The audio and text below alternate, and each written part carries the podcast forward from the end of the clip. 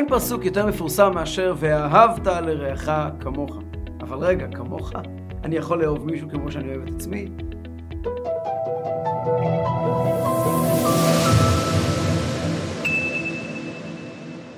ובכן, פרשת השבוע שלנו, פרשת קדושים, עוסקת כולה במצוות ודינים. הרמב"ן הרי מעריך שהם מקבילה מאוד לעשרת הדיברות, ויש בפרשה הזאתי כל מיני סוגי מצוות, והבולטת מכולם, והמפורסמת מכולם, מכולם, זה המצווה של ואהבת לך כמוך. ובלשון הפסוק, לא תיקום ולא תיטור את בני עמך, ואהבת לרעך כמוך, אני השם. וכולם יודעים מה שרבי עקיבא אומר על זה, זה כלל גדול בתורה. אבל בואו נפתח את זה. פירוש המילים ואהבת לרעך כמוך, תאהב את השני, את הזולת, כמו שאתה אוהב את עצמך. האם זה ייתכן? אז הרמב"ן על המקום מעיר, לא, זה לא ייתכן.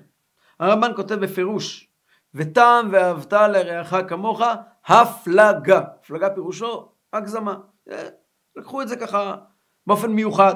כי לא יקבל לב האדם שיאהוב את חברו כאהבתו את נפשו.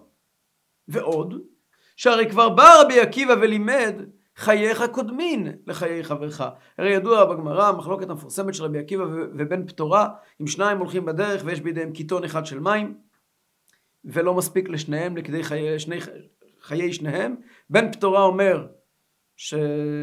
ואהבת לך כמוך, אסור לך לשתות, אה, צריכים כל אחד לשתות באותו מידה, וימותו שניהם ואל יראה זה במיתת זה, ורבי עקיבא אומר, נאמר וחי אחיך עמך, חייך קודמים לחיי, לחיי חברך, יש לך דין קדימה, אתה צריך לשתות, ולא העניין שלך העובדה שהשני לא יוכל לשרוד את, את המסע הזה. אז ואהבת לך כמוך, עם כוכבית. זה לא ממש ואהבת לך כמוך. זאת, אלו דברי הרמב"ן. מהי כן ואהבת כמוך, מסביר הרמב"ן? אלא מצוות התורה שיאהב חברו בכל עניין, כאשר יאהב נפשו, את נפשו בכל הטוב. כלומר, כמו שאני אוהב את עצמי ואני דואג לעצמי לכל דבר ודבר, ככה אני גם צריך לדאוג לחבר שלי בכל דבר ודבר. אבל לא באותן עוצמות שאני אוהב את עצמי, כי זה לא שייך. זו דעת הרמב"ן. בכל זאת, כשמסתכלים קצת בספרים, אחורה וקדימה, רואים שכן ניסו למצוא פשר למילה כמוך, ולהבנה איך באמת יכול להיות ואהבת לרעך כמוך. היום בעזרת השם ננסה לדבר על לפחות שתי התייחסויות שמופיעות בספרי חסידות לביטוי של כמוך, מתוך תקווה שנוכל גם ליישם את זה. אבל לפני כן אני אפתח, פעם שמעתי מהרבי בהתוועדות, בהקלטה, אינני זוכר באיזה תאריך, שמעתי שהרבי ככה תרגם את המילים, ואהבת לך כמוך, והרבי אמר משפט פשוט, אה, אני חושב שהוא פשט פשוט. הרבי ממש ככה תוך כדי תרגום המילים אמר את זה, לא כשיחה שלמה של פרשנות ועומק. הרבי אמר, כמו שאתה אוהב את עצמך בלי אינטרסים. אתה אוהב את עצמך, כשבן אדם דואג לעצמו, הוא דואג לעצמו. אדם רוצה לארגן לעצמו צלחת יפה, מלאה בכל טוב, הוא דואג לעצמו, זה לא עבור אינטרסים, על ידי זה אני אשיג משהו אחר כך. זה ככה אני אוהב את עצמי. אני אוהב את עצמי, אני רוצה לדאוג לעצמי לטלפון טוב, לרכב טוב, לכל עניינים של העולם הזה טובים. עניינים של העולם הבא טובים, לא משנה, רוצה ללמוד גמרא טוב, רוצה ללמוד שיעור טוב, אני דואג לעצמי כי אני דואג לעצמי. זאת גם כשאתה דואג לחבר שלך, גם כשאתה אוהב את החבר שלך, תעשה את זה כי אתה דואג לו, בלי אינטרסים. ואהבת לרעך כמוך, כמו שאתה אוהב את עצמך. אתה דואג לעצמך. כשאתה דואג למישהו אחר, תדאג בשבילו, תדאג לו באמת. רבי אמר את זה אז בנוגע. נדמה לי בנוגע למצות. צריך להשיג מצות שמורה לכל אחד, לתת מצות שמורה. אז רבי אמר, לא כדי להגיע מזה לתועלת עתידית, שעכשיו אתה נותן לו מצות כדי שבעתיד, אני יודע מה יקרה, הוא יעזור לך, אולי הוא עצמו יתקדם בתורה ומצוות, לא יודע מה. לא, זה לא עסק. ואהבת לרעך כמוך, אתה דואג למישהו אחר, תדאג לו, כמו שאתה דואג לעצמך. הרבי הרי לא פעם דיבר על העניין של תפקיד של בתי חב"ד, של כל יהודי, הרבי דיבר אבל בעיקר לחסידים, כי, כי, כי הם מקשיבים. שוב, כל מי שרוצה ל, ל, ל, לשמוע את קולו של הרבי ו, ו, ולקבל את המשימה מוזמן, הרבי אמר לדאוג ליהודי אחר בגשמיות, בלי שום קשר לדאגות רוחניות. זאת אומרת, כאשר הרבי אמר לבתי חב"ד, תפתחו, אה, תאכילו אנשים, תדאגו לאנשים שאיבדו את הדרכון, תדאגו לאנשים, תדאגו להם. לא כדי שאחר כך על ידי זה אה, יתקרבו ליהדות ויהיה שם שמיים מתאהב על ידך? לא, לא, לא, לא, לא. ואהבת לרעך כמוך, כמו שאתה דואג לילד שלך. אתה דואג לו שיהיה לו טוב, בלי קשר לכלום, ככה גם לרעך תדאג כמוך. אני חושב שהפירוש הזה שהרבי אמר, בדרך אגב, באמצע ההתוועדות, זה הפירוש הפשוט מכולם והבסיסי מכולם. למרות ש... לא ראיתי אותו כתוב, אולי אפשר להסביר שזה עומק דברי, דברי הרמב"ן, או לא יודע, אבל נדמה לי שזה הפירוש הכי פשוט, הכי קליט והכי הגיוני. אבל מכאן אפשר רק לטפס. אז הבסיס של הבנת הדברים נמצא בגמרא מפורסמת במסכת שבת. והגמרא במסכת שבת מספרת על שלושה גרים שעברו מסלול גיור אצל שמאי ואצל הלל, שני אה, מנהיגי ישראל, הלל היה נשיא ישראל, שמאי היה בית הדין הגבוה, והבדלי הגישות ביניהם, גמרא מפורסמת מאוד, איך הלל רואה דברים ואיך שמאי רואה דברים, ובין הגמרות הכי מפורסמות, בין הסיפורים הכי מפורסמים שם, נאמר כך. ושוב מעשה בגוי אחד שבא לפני שמאי. אמר לו, גיירני על מנת שתלמדני כל התורה כולה, כשאני עומד על רגל אחת. דחפו באמת הבניין שבידו, היה לו אה, אמת בניין כמו אמה של פעם, זה מטר של היום, כן? לא מבחינת אורך, מבחינת אה, שימוש. זה מידת, אה, כמו שאנחנו, יש מטר, אפשר לקנות מטר עבור מדידה. פעם היה אמות עבור מדידה. אז, אבל האמות, אם לא היו סליל, הם היו מקל כזה. אז היה לו מקל של אמת בניין, הוא תחת נתן לו מכה, העיף אותו משם. בא לפני הלל, הגיע להלל גיירי. הלל גייר אותו, לא הכוונה כפשוטו, תוספות אומרים על המקום, חס ושלום, לא מגיירים בן אדם שמגיע עם כאלה תביעות, יש uh, מסלול שצריך לעבור, אבל גיירי פירושו הכניס אותו למחלקת הגיור, הכניס אותו ל- ל- ל- לתוך ה... אפשר לו להיכנס ללימודי גיירות, להתחלת התהליך. ואז אמר לו, אתה שאלת כל התורה כולה על רגל אחת, דעלך שני לחברך לא תאביד. מה ששנוא עליך, אל תעשה לחבריך. זוהי כל התורה כולה. ואידך, וכל היתר, פירוש ההיא. כל היתר זה פרשנות. טוב, אלו מילים מאוד מאוד מאוד בומבסטיות. הרבה אנשים היום מאוד אוהבים לצטט אותם. כל התורה כולה זה רק דהלך שני לחברך לא תאבין. צריכים להבין את זה, מה הקשר, איך זה מתחבר בדיוק עם כל התורה כולה. אתה אומר לבן אדם, אה, אה, ציצית, תפילין, שבת, מזוזה, כשרות, איך זה קשור, לא יודע, לך שני לחברך לא תעביד? האם כל התורה כולה היא תחת אה, כוכבית של דהלך שני לחברך לא תעביד, וכאילו, אתה תשמור שבת בתנאי שאתה לא מפריע לשכן? זה לא נכון. זה לא נכון, הלכתית זה לא נכון. אתה צריך לשמור שבת, נקודה. אתה צריך לאכול כשר, נקודה. אתה צריך, לא משנה, להניח תפילין, נקודה. זה לא בכפוף לכך שאתה לא פוגע במישהו אחר.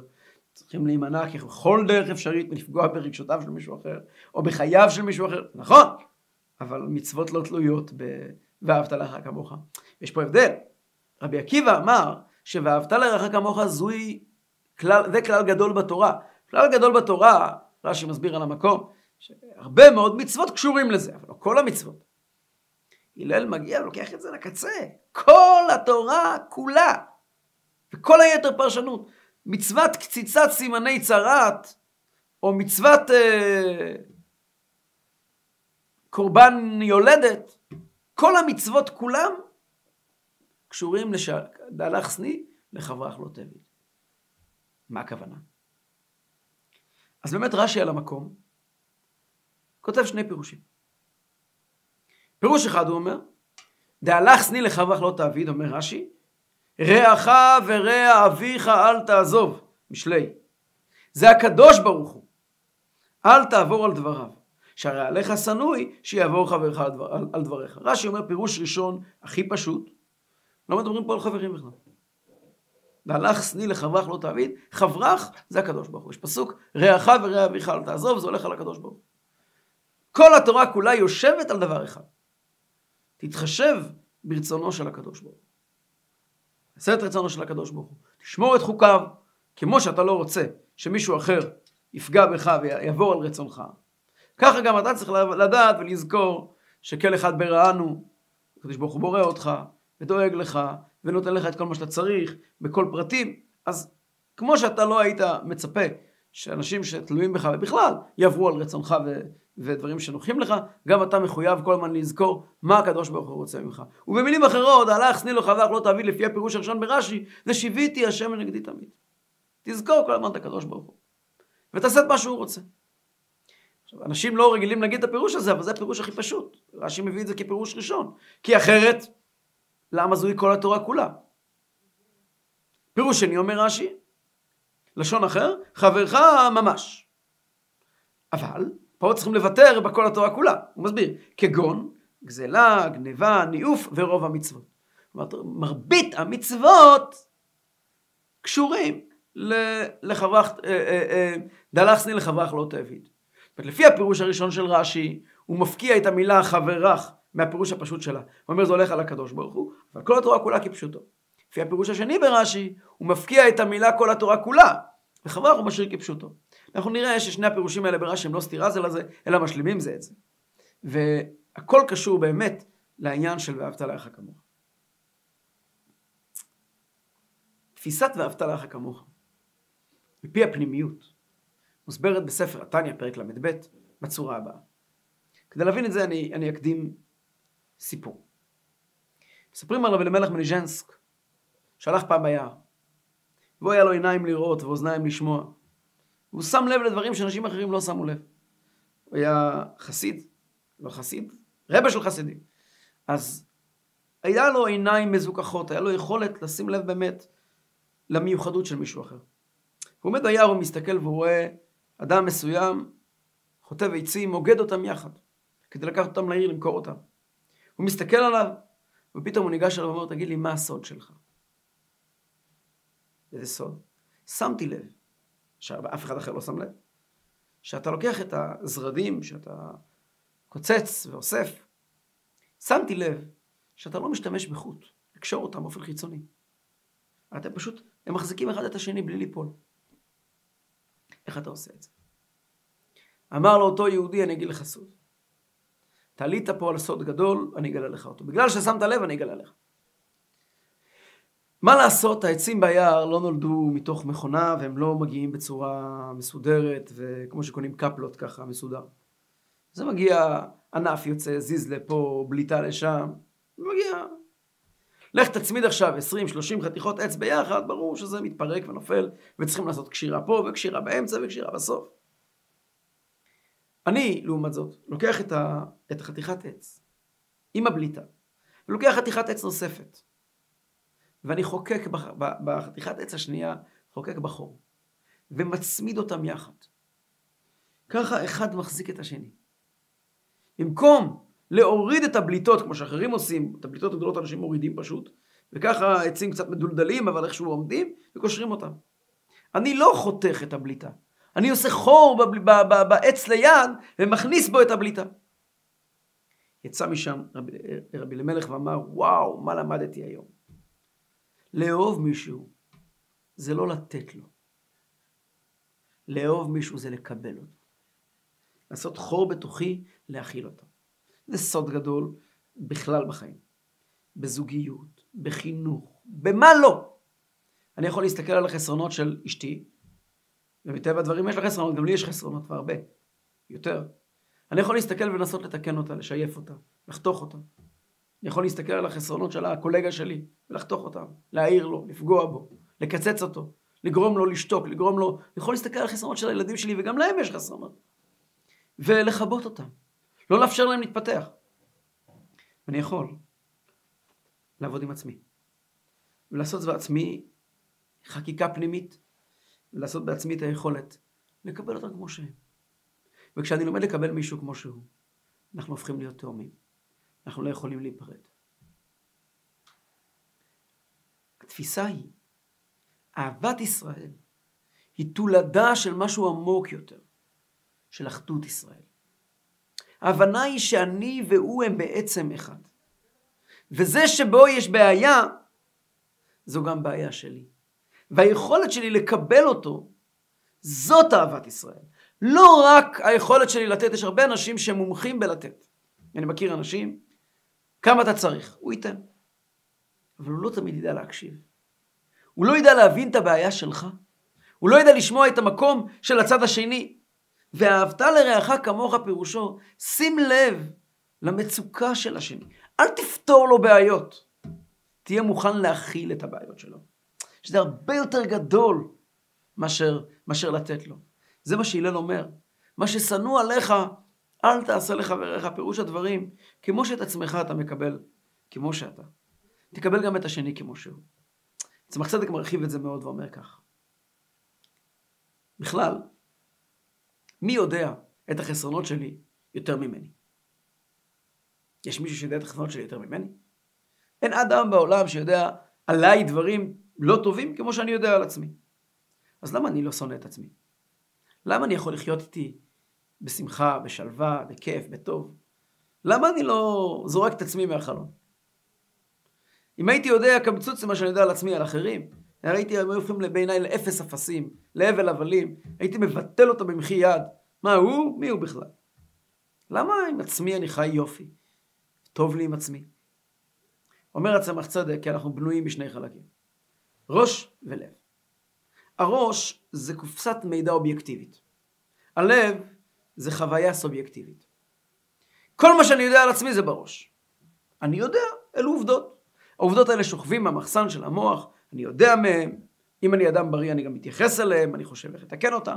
אם אני לא אדם בריא אז אני משאיר אותם כמו שהם שיעלו אבק, ואולי גם יצברו ריבית ופיגורים. אבל אני יודע מהם בראש שלי, נקודה. בלב לא אכפת לי מזה. על כל פשעים תכסה אהבה. אז אני כזה, so what? זה מי שאני. כך אני אומר לעצמי, נכון? ידוע לי שעשיתי פעולה מסוימת, דפקתי חבר טוב שלי. אמרתי מילה לא נכונה למישהו על מישהו. נו ו... אני מפסיק, מפסיק לשנוא את עצמי, אני יודע, המידע קיים. אבל המידע לא הופך, לא מקבל בלב שלי פתאום נפח. ואיך עשית דבר כזה? וזה לא ראוי. כל הנפח של הלב לא קיים פה, ביחס לעצמי. אני אוהב את עצמי למרות, ואולי אפילו, כל הדברים הלא טובים שאני יודע על עצמי. אומר הצמח צדק, זה הפירוש, ואהבת לרעך כמוך. כמו שאתה אוהב את עצמך, למרות שאתה יודע את החסרונות של עצמך. זה לא מפריע לך לאהוב. ככה לרעך. אומר הצמח צדק, זה הסיבה שהלל הזקן יתבטא בצורה שלילית. מה ששנוא עליך, לא תעשה לחבריך. מעניין שבתרגום יונתן על הפסוק, גם אה, התרגום הוא לא תאבו נקמין, ולא נטרין דבב ולבני עמך, ותרחמי לחברך, דמין אנט סני לי, דמין אנט סני לך לא תעבד לי, ענה השם. כלומר, תאהב את חברך, שמה, אומר יונתן, שמה ששנוא עליך לא תעשה לחבריך. כלומר, יונתן הוא תלמידו של הלל הזקן, והוא חוזר, זה הפירוש של ואהבת לך כמוך. לא הכוונה כעת שתאהב באותו, תאהב אותו באותו עוצמות, זה לא שייך. תאהב אותו באותה דרך. כמו שאתה אוהב את עצמך, שאתה מקבל את עצמך כמו שאתה, ככה תאהב את החבר שלך. חסידים אומרים שישנם שלושה דרכים של אהבת ישראל שלימדו אותנו רואי חסידות הראשונים תלמידי המגיד ממזריץ'. דרגה אחרי דרגה. הדרגה הראשונה זו הדרגה של רבי זושה מהניפולי. רבי זושה מהניפולי היה קדוש עליון. בבחינה של לא יגור חרא. גם בגשמיות. ידוע שפעם אה, המגיד שלח מישהו, ניגש מישהו למגיד ואמר לו שהוא קשה לו, יש לו איסורים גדולים. אומר לו המגיד, תיסע לרב זושה, תלמד ממנו מהי שמחה ואיסורים. הולך לביתו של רב זושה, באמת הוא ראה בית מת לנפול. בבית אין אוכל, ו- ו- ו- ואין רהיטים, וכל הילדים לא בריאים, וזה בלאגן שם בבית.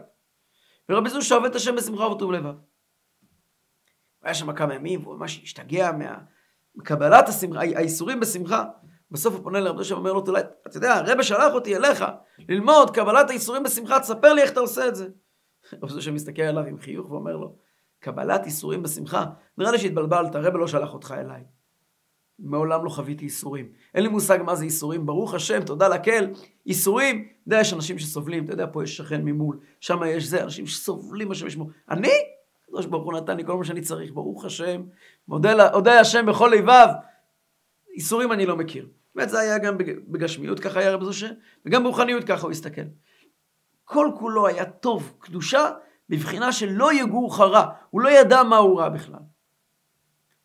וככה מספרים שרב זושה, היו אומרים לו רע למישהו, הוא פשוט לא היה שומע.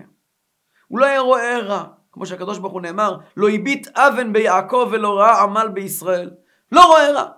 אתה מראה לו, הוא לא יכול לראות. כל דבר שהוא רואה, הוא רואה רק טוב. את הדברים הרעים פשוט לא רואה, הוא לא שם לב אליהם, הוא לא, הוא, לא, הוא לא נותן להם דגש, לא נותן להם מקום, הוא רואה רק טוב. הוא רואה יהודי אחר, כמו שכתוב בתורות ברסלב, רואה רק את הנקודה הטובה. זה דרגה אחת באהבת ישראל. יש דרגה יותר גבוהה. רבי לוי יצחק מברדיצ'ה. גם באותה חבורה קדושה של תלמידי המגיד, אותו דור קדוש של גדולי עולם, שירדו לעולם כולם באותו דור. רבי לוי יצחק מברדיצ'ה, הוא היה רואה רע אצל מישהו אחר, היה רואה, היה שם לב, אבל לא היה הופך את זה לטוב. הוא היה מחפש להבין מאיזה נקודה טובה זה נובע. ככה למשל מספרים שרב לוי יצחק יצא יום אחד ויום כיפור וראה יהודי מעשן סיגריה. הוא ניגש אליו ואמר לו, יהודי, יום כיפור היום. איך אתה מעשן סיגריה? אתה לא יודע שהיום יום כיפור? אומר לו אותו יהודי, אני יודע שהיום יום כיפור. אתה לא יודע שאסור לעשן סיגריה ביום כיפור? אני יודע שאסור לעשן סיגריה ביום כיפור. אומר רבי, אומר רבי לוי יצחק, ריבונו של עולם, תראה, מי כמוך ישראל? יהודי שמעשן סיגריה ביום כיפור, לשקר לא מוכן. או סיפור אחר, שפעם רבי לוי יצחק יצא מבית כנסת וראה את העגלון תוך כדי תפילה. מושך את הגלגלים של העגלה עם הגריז לקראת הנסיעה. תפילה, תפילין, תוך כדי ברכות קריאת שמע שם הוא עסוק.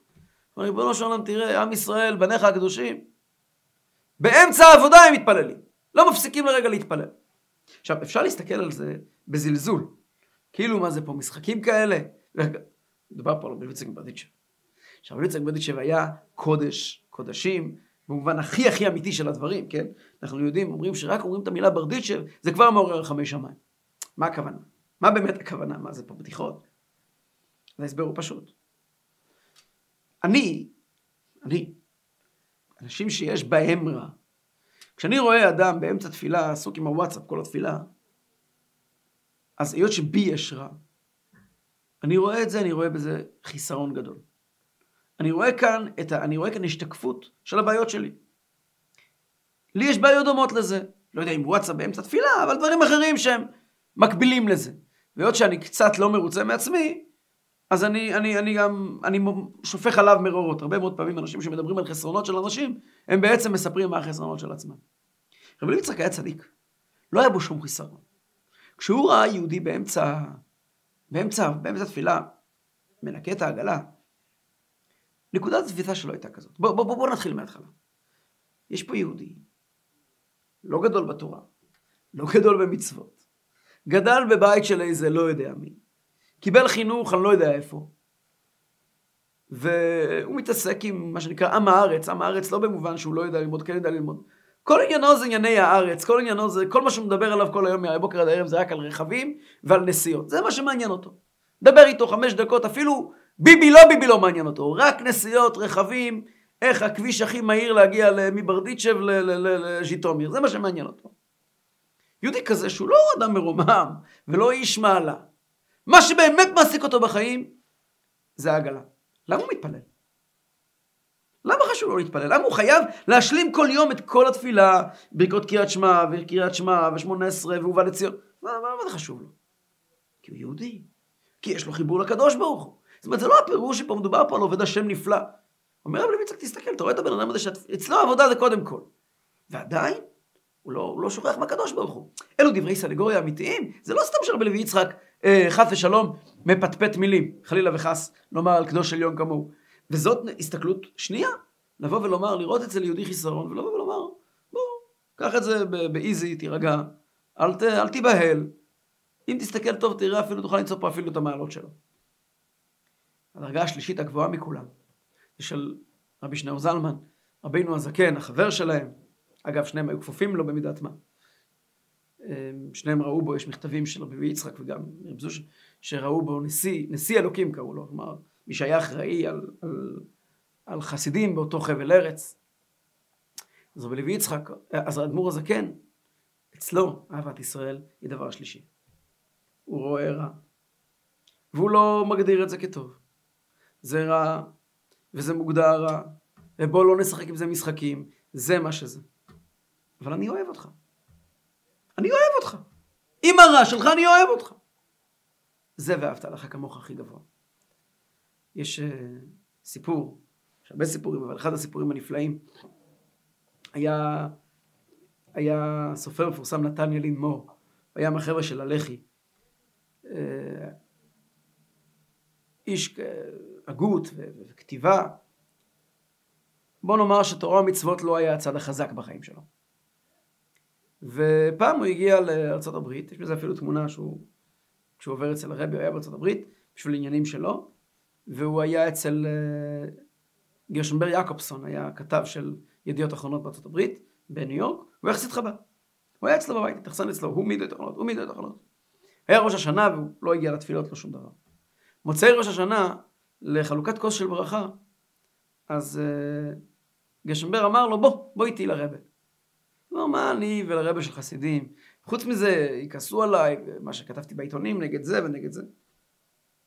יזרקו עליי אבנים. גשמבר אומר לו, קודם כל, אל תעוף על עצמך, אף אחד לא מכיר אותך. אנחנו באמריקה, אנחנו לא בארץ. שתיים, גם אם יכירו אותך, אתה בחב"ד, אף אחד לא יגיד לך שום דבר רע. הכל בסדר, בוא. דבר שלישי, לדעתי, אתה תגיד לי תודה אחר כך. קיצור, הלכו, עברו מול הרבי בדולרים, בכושר ברכה, הרבי מחלק מוצאי ראש השנה עם היין של ההבדלה לכל אחד ואחד. יש מזה תמונה מהקטע הזה.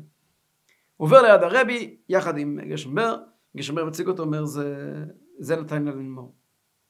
הרבי מוזג לו כוס, הרבי מוזג לו לחיים, והרבי אומר לו, אני מאוד נהנה לקרוא אותך. את המאמרים שלך בעיתון. הוא היה בשוק. ואז uh, מתחיל ללכת, הרבי קורא לו חזרה, והרבי אומר לו, תגיד לי, מה עם תורה ומצוות? אז אומר לרבי, כמו רבי לוי יצחק מברדיצ'ב. לימים הוא הסביר שהוא התכוון לומר, כמו שרבי לוי יצחק מברדיצ'ב אה, אה, ידע לומר שפלוני שלא מקיים מצוות, מעשן ביום כיפור, אבל הוא אומר אמת, רבי, עזוב, אני אגיד לך את האמת, אולי צריך לפרט יותר מזה. אומר לו הרבי, רבי לוי יצחק מברדיצ'ב זה טוב כשמדברים על מישהו אחר, אבל על עצמך, להגיד ללמד זכות על מישהו אחר זה דבר טוב, על עצמך אתה צריך לתבוע מעצמך. עד כאן הייתה השיחה. הוא דיבר אחר כך, הוא סיפר אחר כך, הוא כתב אחר כך, שהוא פעם ראשונה ראה מישהו שאוהב אותו כמו שהוא ולא עושה לו הנחות. אוהב אותו כמו שהוא ולא עושה לו הנחות. הרבי דיבר איתו בגובה העיניים, הרבי לא הגיע אליו בטענה, הרבי לא הגיע אליו בתביעה, הרבי לא אמר לו אתה לא בסדר, אתה כן בסדר. הגיע הזמן לחזור לתורה ומצוות, באמת הוא עשה שינוי מסוים בחיים שלו, אה, הוא לא חזר לחיי תורה ומצוות, אבל שינויים מסוימים הוא עשה, ו- ו- ולא כאן המקום אה, להרחיב בסיפור שלו. זה הסתכלות של ואהבת לך כמוך. להיות מסוגל לראות, להתייחס אליו מהמקום הפנימי שלו, להכיל אותו, ולדעת שהוא לא כמוך, ולכן תאהב אותו כמוך. אומר אדמו"ר הזקן, פרק ל"ב בתניא. התפיסה הזאת זה העומק של דברי הלל הזקן. מה ששנוא עליך לא תעשה לחבריך, זוהי כל התורה כולה. למה? כל התורה כולה באה ללמד אותנו דבר אחד. להיות מסוגלים להתרומם מהריבוע הקטן שלנו, להגביה את הנפש על הגוף. אנחנו בנויים כולנו משתי יסודות, משני יסודות. יסוד אחד, היסוד החומרי שלנו, הגשמי שלנו, המוצק שלנו, שמושך אותנו כלפי מטה. הצורך שלנו בחיי חברה, באוכל, בשתייה, הצורך שלנו בהכרה, הצורך שלנו בכאן ועכשיו, האגואיזם שלנו.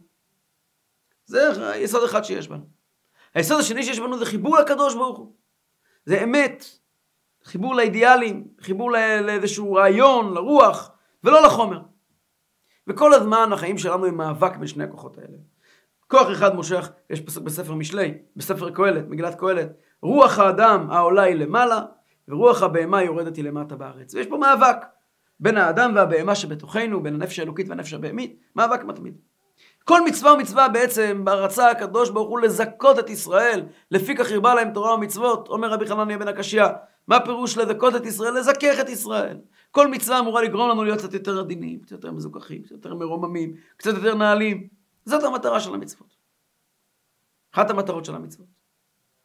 אם אתה מסוגל להסתכל על מישהו אחר, ולא לבחון אותו מנקודת מבט ארצית, גשמית, תחתונה, אה, אה, אה, אינטרסנטית, אלא להסתכל עליו בעיניים של נפש לנפש, הגעת באמת לדרגה גבוהה של שתורה ומצוות פעלו עליך. אומר בעל התניא, אם, אם העניינים הגשמיים שלך הם פחות חשובים לך, כן? גופו נבזה ונמאס אצלו, הוא נמאס ומתועב אצלו. והנפש והרוח, מי יודע גדולתם ומעלתם בשורשם ובקורם באלוקים חיים. בשגם, שכולם מתאימות, כל הנשמות הן למעלה, הן תואמות, ואב אחד לכולן. ולכן יקראו כל ישראל אחים ממש, מצד שורש נפשם והשם אחד, רק שהגופים מחולקים. ולכן, העושים גופם עיקר ונפשם תפלה, אי אפשר להיות אהבה ואחווה אמיתית ביניהם, אלא התלויה בדבר לבדה.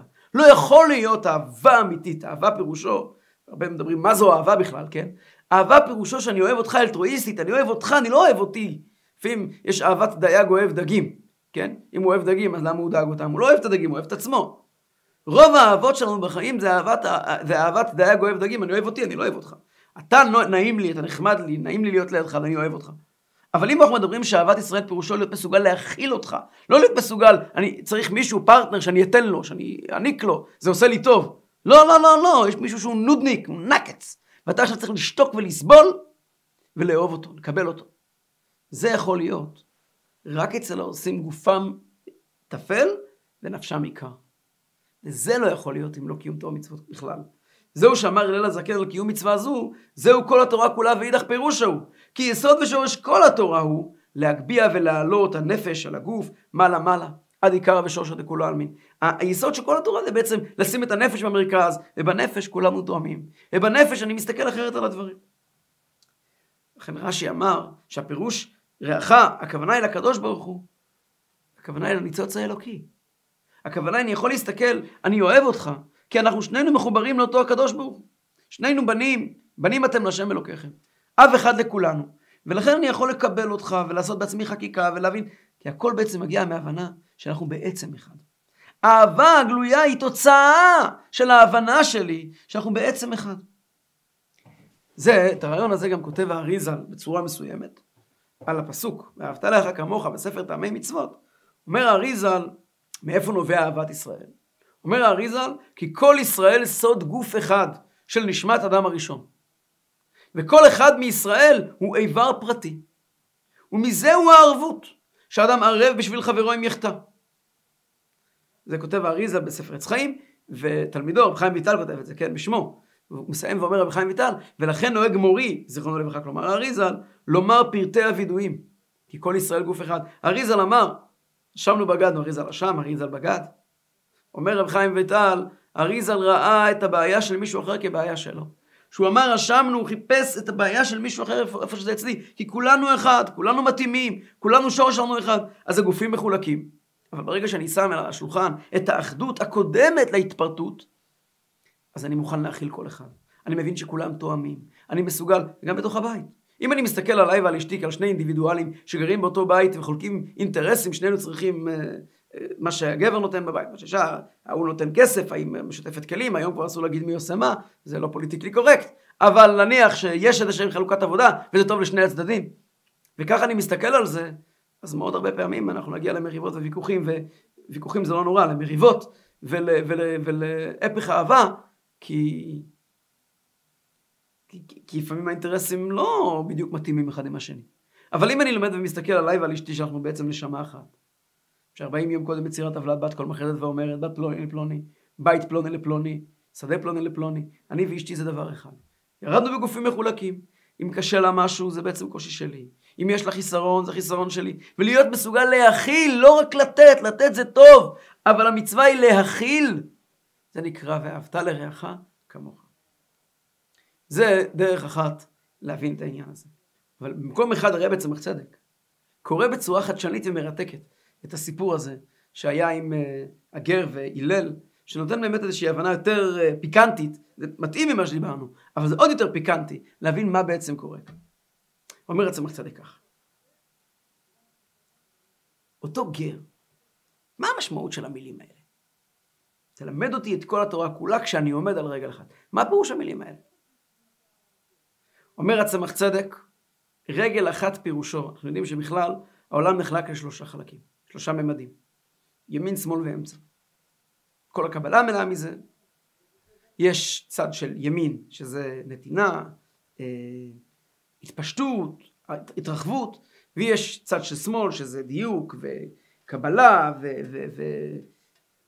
וגבורה, מה שנקרא דינים, ויש צד שלישי שמשלב תפארת. כל העולם בנוי משלושת הממדים האלה. כל אדם, בעלי חיים, הם נמצאים רק בצד אחד. בעלי חיים, אנחנו יודעים, הנשר הוא רחמני, כתוב בגמרא, כתוב שאין בו אפילו גרם אחד של אכזריות. כתוב העורב הוא אכזרי, הוא רק אכזרי, אין בו טיפת רחמנות. האדם בנוי משלושת החלקים. האדם הוא בנוי שיש לו יכולת לבחור, יכול פעם להגביר את הטוב, את, את, את, את, לא טוב, את החסד, את ההתפשטות, את הנתינה, פעם הוא יכול להגביר את הגבורה, את הקבלה, את היראה, את הדיוק, את האחריות. האדם משחק עם, ה, עם הכלים האלה. אבל אחרי זה, ככל שאדם מתבגר, אדם נהיה מקובע במקום שלו. נכון, הוא בנוי משלושת חלקים, אבל לאט לאט הוא מוצא את עצמו מתכווץ למין הגדרות, מתגייד, הוא הופך להיות יבש, והוא חסר יכולת אה, לפרוח ולהשתנות. ואנשים מגיעים ואומרים, כזה אני, ואל תשנה אותי, ואני לא רוצה להשתנות. אותו גר הגיע ואמר לשמאי, מיסטר שמאי, שמעתי שהתורה שלכם היא תורה נפלאה, תורה עם המון חוכמה. אני עומד על רגל אחת, אני זה מי שאני. Don't touch me. אל תיגע בי, אני מי שאני. אני על רגל אחת. לא שלושה רגליים, רגל אחת. עכשיו, תן לי את כל התורה כולה. עכשיו אני מוכן לקבל, לספוח אל עצמי רעיונות, ופתגמים, וממים, וכל מיני דברים שיהפכו אותי לנעים יותר וטוב יותר. אבל אני לא מתכוון להשתנות. אני מוכן לשמוע, אני מוכן ללמוד, אני לא מוכן ללכת. תופס שמאי את אמת הבניין. אומר המהרש"א על המקום, אומר לו, פעם ראית בניין שעומד על רגל אחת? לך מפה. אתה רוצה לבנות בניין? תורה היא באה לבנות את העולם. תורה היא דירה בתחתונים, לעשות משהו פה. אתה לא יכול לעשות ככה, לשבת בפינה שלך, לשכב על הכורסה, רגל על רגל, תביאו לי תורה, תביאו לי מצוות. זה לא עובד ככה. ככה שמאי גירש אותו. הוא הלך להלל. הלל אמר לו את אותם דברים בדיוק, אבל אמר לו את זה במענה רך בשבחם. אומר לו הלל, יש לי בשבילך אתגר. רגל אחת, רגל אחת, אל תזוז מהמקום. יש בשבילך אבל אתגר. תעמוד באתגר הזה, עברת את המבחן. דהלך שני לחברך לא תעמד. האם אתה מסוגל להבין מה עובר על מישהו אחר? אתה נמצא עם מישהו. האם אתה מסוגל לקנות את זוג המשקפיים של השני? להסתכל על החיים לא מתוך המבט שלך, אלא מהמבט של השני, לדעת מה מציק לו. אתה יודע מה מציק לך, אתה יכול לדעת מה מציק לו. הרבה פעמים אנשים, דיברנו מקודם על ההבדל בין נתינה לקבלה, אנשים שנותנים לפעמים אפילו לא יודעים, שהם לא רק שהם לא עוזרים, לפעמים אפילו הורסים. אתה לא יודע מה שאני צריך, אתה יודע מה אתה, אתה רוצה לתת, אבל מה הוא צריך? האם אתה מסוגל באמת לדעת ולהכיל רגישויות? פלוני מגיע למקום, מה מותר לעשות לידו, מה אסור לעשות לידו. להיות ער לצרכים שלו. אתה מסוגל? אתה יודע למה אתה לא מסוגל? כי אתה לא מוכן לעשות מהמקום שלך. כדי להיות מסוגל לשמוע מישהו אחר, לשים לב לבעיות של מישהו אחר, חייבים, חייבים לעשות תהליך. ולתהליך הזה קוראים כל התורה כולה. כל התורה באה להרים אותך מנקודת המבט האגואיסטית שלך, שבה הגוף שלך העיקר, ולהתרומם לנקודת מבט אלטרואיסטית, אמיתית, גבוהה של נשמה, ששם רואים את הדברים אחרת לגמרי. זה העומק של דברי רבינו הזקן, בעל התניא, ששאלו אותו פעם, איזו אהבה גדולה יותר, אהבת השם או אהבת ישראל? אמר אדמו"ר הזקן, שתי האהבות האלה, שניהן גדולות, שניהן מתאימות. כל אחד מהם יש לה את המעלות שלה. אבל האמת היא שאהבת ישראל גדולה יותר. כי כשאתה אוהב מישהו, כי אהבת השם כוללת, היא, היא, היא כלולה באהבת ישראל. כי אם אני אוהב מישהו, זה כי אני אוהב אותו כי הקדוש ברוך הוא אוהב אותו. זאת אומרת, אני יכול לאהוב מישהו כי הוא נעים לי, אבל זאת לא אהבת ישראל. אהבת ישראל היא הביטוי הכי עמוק של אהבת השם. אם אני אוהב מישהו כי הוא חלק מהקדוש ברוך הוא, כמו שאני חלק מהקדוש ברוך הוא, ואני מוצא בו זהות פנימית, שהיא הזהות שלי, אני מתאחד איתו, זה רק בגלל שאני אוהב השם. רק בגלל שאני מוכן לעשות מהלכים אמיתיים בחיים שלי, ולהתרומם מעל הבעיות הקטנות שלי, ולהיות מסוגל להסתכל על העולם במבט עליון יותר. כמו שאנחנו יודעים, שעל ידי אהבת ישראל, אז כל העולם משתנה. בחיים לא אבינו כולנו כאחד. הקדוש ברוך הוא רואה אותנו מאוחדים, והקדוש ברוך הוא גם הוא מצטרף לאחדות הזאת, מביא לנו את הגאולה השלמה.